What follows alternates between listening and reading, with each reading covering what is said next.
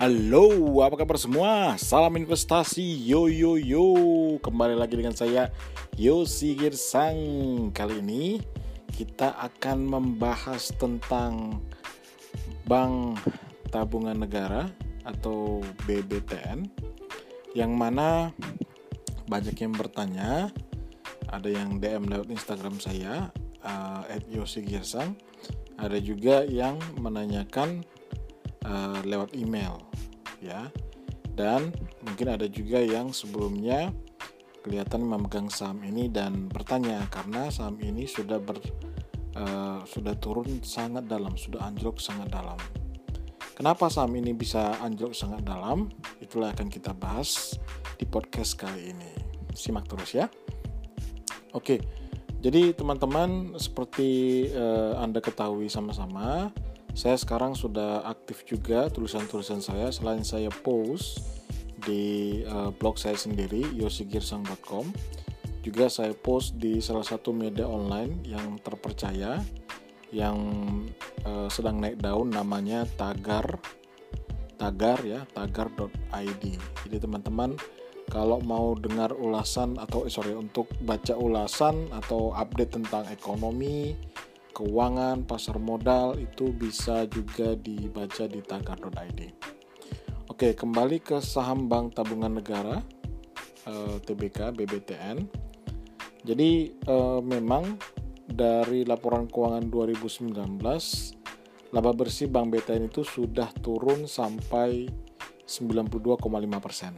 Ya, kalau kita bandingkan dengan tahun sebelumnya yaitu 2018 yang mana 2018 itu masih mencapai 2,81 triliun namun turun 92,5% di 2019 menjadi hanya 209 miliar ya di tulisan saya sebelumnya sempat saya jelaskan bahwa angka 209 miliar ini laba bersih ini bahkan itu lebih rendah dibandingkan 16 tahun yang lalu.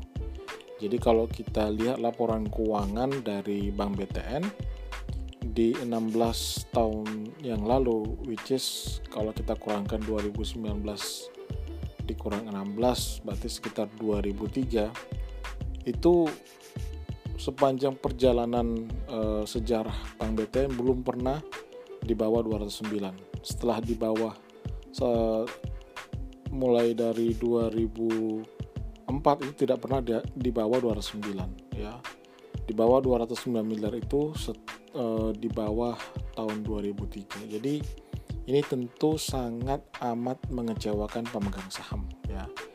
Karena uh, pastinya ada satu masalah di dalamnya. Ya, ada satu masalah di dalamnya. Nah, kali ini kita mau lihat dari angle yang berbeda. Kenapa? Karena seperti yang kita ketahui di Desember 2019 yang lalu, Menteri BUMN Indonesia Pak Erick Thohir itu sudah mengangkat komisaris utama dari Bank BTN yaitu Pak Chandra Hamza which is beliau ini adalah mantan komisioner KPK. Tentu banyak yang bertanya kenapa Pak Erik itu menunjuk seorang mantan komisioner komisioner KPK which is KPK itu kan e, berhubungan dengan hukum, berhubungan dengan korupsi. Ya. Ternyata kalau dari pemaparan Pak Erick Thohir, Pak Erick Thohir itu sebagai Menteri BUMN katanya kan sekarang mau berbenah Ah, sehingga beliau berharap dengan latar belakang hukum yang dimiliki oleh Pak Chandra nanti itu akan membantu direksi di Bank BTN untuk membangun organisasi yang lebih transparan, yang berintegritas dan mampu mencegah terjadinya kasus korupsi di internal perusahaan. Kenapa? Karena hal ini sangat penting. Jatuhnya harga saham kan tentu karena hilangnya kepercayaan dari para pemegang saham atau investor ya. Terutama investor dengan dana yang besar atau institutional investor biasanya dari fund manager atau dari konglomerasi atau dari investor besar. Ketika perusahaan itu dinilai tidak menjanjikan lagi untuk jangka panjang itu biasanya ditinggalkan. Nah salah satu parameter penting yang biasanya dipertimbangkan oleh investor itu adalah mereka hanya mau ya itu berinvestasi di perusahaan dengan manajemen yang jujur dan care. Ya. Jujur di sini dalam pengertian bahwa manajemennya dari perusahaan tersebut tidak terlibat praktik korupsi ataupun rekayasa laporan keuangan perusahaan. Ya, mungkin anda tahu eh, ada banyak kasus-kasus di mana manajemen perusahaan itu diciduk atau dijadikan tersangka oleh KPK dan memang kenyataannya biasanya harga sahamnya pun ikut turun ya. Karena pemegang saham berpikir simpel saja bagaimana mungkin saya percaya kalau kita sebagai investor, bagaimana mungkin kita percaya mempercayakan dana kita ke orang yang mengelola perusahaan, mengelola dana kita, sementara orang tersebut terkena kasus dengan korupsi. Berarti apa? Potensi untuk kita juga dirugikan pasti ada di sana. Nah, care itu adalah tadi kan jujur dan care ya. Nah, care itu adalah bahwa manajemen harus memberikan perhatian dan fokus untuk mencapai Key Performance Indicator atau KPI yang sudah dijanjikan kepada investor. Kalau itu nggak tercapai, otomatis investor kecewa dan akhirnya menjual sahamnya. Dan memang kalau kita lihat ya, saham Bank BTN ini sudah turun cukup dalam. Kalau kita lihat perjalanan harga sahamnya, itu semenjak eh, tahun 2018 Maret itu pernah mencapai rekor tertinggi sekitar 3.800 rupiah per lembar saham. Namun setelah itu secara perlahan tapi pasti harga saham BTN ini terus turun.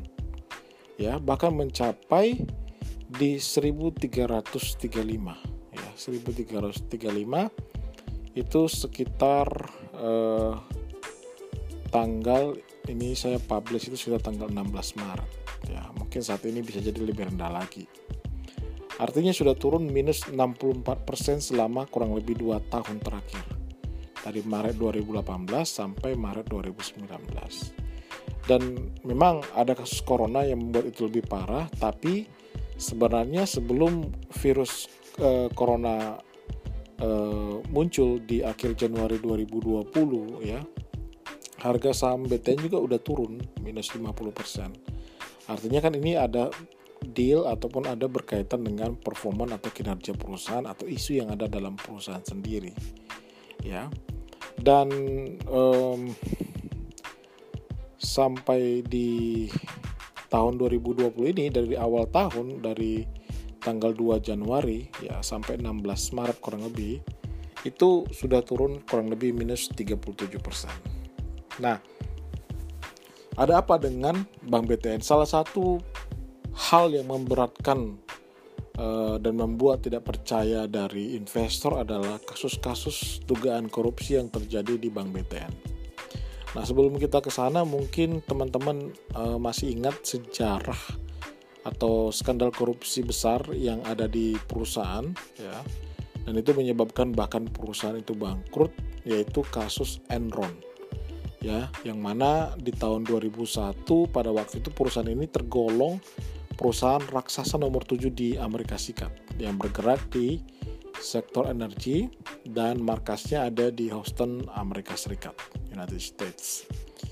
Nah, dulu sebelumnya waktu sedang masa jaya itu Enron sempat memiliki e, nilai kapitalisasi pasar, jadi jumlah saham dikali harga sahamnya itu mencapai 65 68 miliar dolar Amerika Serikat. Jadi sekitar 952 triliun, hampir 1000 triliun kalau kita pakai kurs yang sekarang. Mungkin kalau kurs yang dulu mungkin angkanya sekitar 800 triliun. Jadi waktu itu saking e, percayanya investor banyak yang membeli sahamnya dan mereka mengira perusahaan ini sehat, maka harga sahamnya naik terus. Namun akhirnya namanya Eh, kebohongan yang disimpan pasti akan terbongkar juga. Pada waktu itu CEO dari Enron adalah Kenneth Lay itu terbukti melakukan rekayasa di laporan keuangan perusahaan. Jadi sebenarnya perusahaan itu punya untuk punya utang yang besar, namun coba direkayasa seolah perusahaan itu memiliki aset yang besar dan mampu mencetak laba bersih yang tinggi. Nah setelah ketahuan ya ada tiga orang yang waktu itu ditangkap dituduhkan Akhirnya investor ketakutan atau kecewa dan beramai-ramai panik menjual saham Enron pada waktu itu sampai dia terjun bebas. Ya, pada waktu yang saya bilang tadi um, kapitalisasi pasar mencapai 68 miliar dolar AS itu dijual per lembar saham di harga 90 dolar ya di tahun sekitar tahun 2000. Hanya membutuhkan waktu kurang lebih setahun di akhir 2001 itu sudah dari 90 dolar per lembar menjadi 26 sen dolar per lembar. 26 sen bayangkan lebih rendah dari 1 dolar. Jadi turunnya lebih dari 90% hanya dalam waktu satu tahun. Kenapa? Karena investor udah nggak percaya lagi dengan perusahaan ini dan mereka berlomba-lomba menjual saham dari Enron. Dan akhirnya memang Enron itu dinyatakan bangkrut pada waktu itu dan ketiga orang yang terlibat petingginya itu masuk ke e, penjara ya, masuk ke penjara. Oke, ini sebagai contoh bahwa kasus-kasus korupsi, merekayasa laporan keuangan, merugikan uh, nasabah mungkin kalau kita bicara perbankan, itu sebenarnya dalam jangka panjang itu berbahaya. Kenapa? Ada kehilangan kepercayaan di sana. Nah, saya cukup uh, kecewa juga dengan ya walaupun saya tidak punya saham BTN ini ya, tapi ini kan perusahaan badan usaha milik negara ya. Kita berharapkan perusahaan-perusahaan BUMN kita yang dimiliki oleh Indonesia itu bisa besar, bisa menjadi uh, market leader di masing-masing industri ya. Namun untuk khusus BTN ya ada dua kasus dugaan korupsi yang cukup uh, hot atau cukup sering disampaikan di berbagai kesempatan dan saya yakin media juga sangat meng-highlight ini. Yang pertama kasus senilai 300 miliar. Wow. Anda bayangkan tadi laba bersih 2019 kan cuma 209 miliar. Ini kasusnya bicara 300 miliar ya.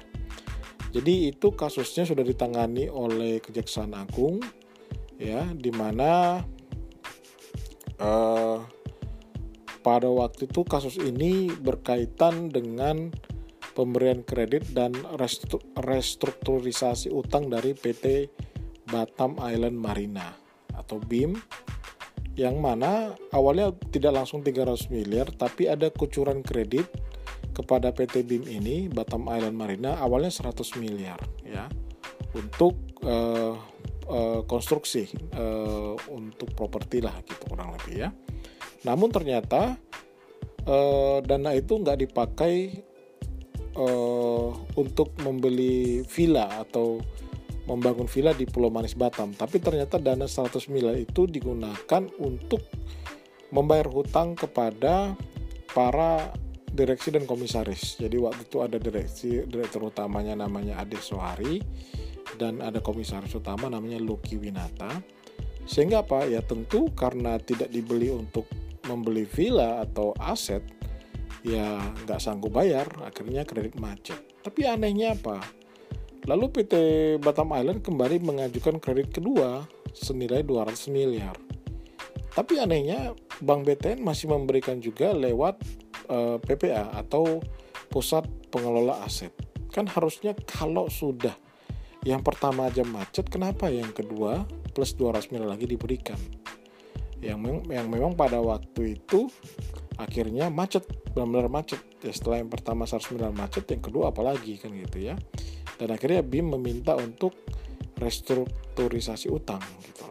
Nah, dari catatan yang saya uh, pernah baca di Tempo, ah, itu Jaksa Agung Muda bidang perdana di uh, Kejaksaan Agung, Pak Adi uh, Tugarisman itu mengatakan bahwa ada banyak prosedur yang dilanggar dan sudah jelas penggunaan uang kredit itu nggak sesuai dengan dimohonkan, tapi uh, tetap diberikan dan akhirnya memang gagal bayar gitu. Nah ini kan ada keanehan makanya ini sedang uh, diproses oleh Kejaksaan Agung dan kita berharap ini bisa selesai. Mudah-mudahan ya mudah-mudahan dananya bisa kembali. Kalau tidak bisa dikatakan ya Bank BTN kehilangan bayangkan 300 miliar padahal ya laba bersih sendiri udah hanya 209 miliar gitu. Nah kasus kedua itu senilai lebih kecil 50 miliar tapi menurut saya ini juga tetap besar dan anehnya ini terjadi juga di level uh, di beberapa perusahaan ya Kalau total sekitar 50 miliar.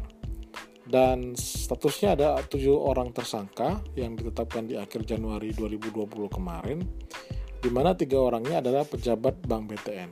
Ya, Tersangka pertama itu adalah Kepala Divisi Aset Manajemen Bank BTN, cabang Semarang dan Gresik, namanya Satya Wijayantra. Dan ternyata Satya ini juga saat ini eh, pada waktu itu juga menjabat sebagai Kepala Serikat Pekerja dari Bank BTN. Dan sudah ditetapkan sebagai tersangka karena e, sengaja dan bermuafakat untuk mencarikan dana novasi. Jadi novasi itu adalah pembaruan utang ke perusahaan padahal utang sebelumnya udah macet. Utang macet dan masuk kategori 5 atau udah nunggak lebih dari 180 hari. Nah, tersangka kedua saya tidak dapat namanya, tapi seorang AMD Head Area 2 uh, inisialnya SB dan yang ketiga itu kepala unit commercial lending Bank BTN di cabang Sidoarjo inisialnya AM sedangkan empat orang lainnya dari pihak swasta ya dari UA, uh, eh, PT Tiara Fatuba dan PT Lintang Jaya Properti yang bermufakat dengan uh, ketiga orang tadi dari pejabat Bank BTN. Nah, itu kasus kalau ditotalkan berarti udah 50 plus uh, 300 350 miliar. Belum lagi ada kasus uh, 2016 tiga tahun yang lalu itu membobol dana nasabah itu sekitar 250 miliar. Anda bayangkan ada empat rekening perusahaan yang nasabah bank BTN itu dibobol. Kok bisa gitu? Kenapa bisa? Walaupun sudah ditetapkan oleh pengadilan ada orang yang bertanggung jawab, tapi dari catatan Tempo juga pada waktu itu OJK Watch itu uh, mengatakan bahwa mustahil kalau membobol rekening nasabah sebesar itu 250 miliar itu hanya staf biasa gitu loh. Tanpa pengetahuan petinggi-petinggi dari Bank BTN itu sangat impossible dong. Nggak mungkin bisa dicairkan itu menurut OJK Watch ya dan memang akhirnya uh, yang sudah kena tadi yang sudah ditetapkan bersalah itu inisialnya DB dan dihukum kurang lebih 8 tahun penjara. Nah, OJK Watch mengatakan ada dugaan bahwa kasus ini diatur oleh tim legal Bank BTN supaya apa? Supaya tingkat direksi itu nggak tersentuh. Jadi ini mungkin bicara hal-hal yang uh, hubungannya dengan hukum.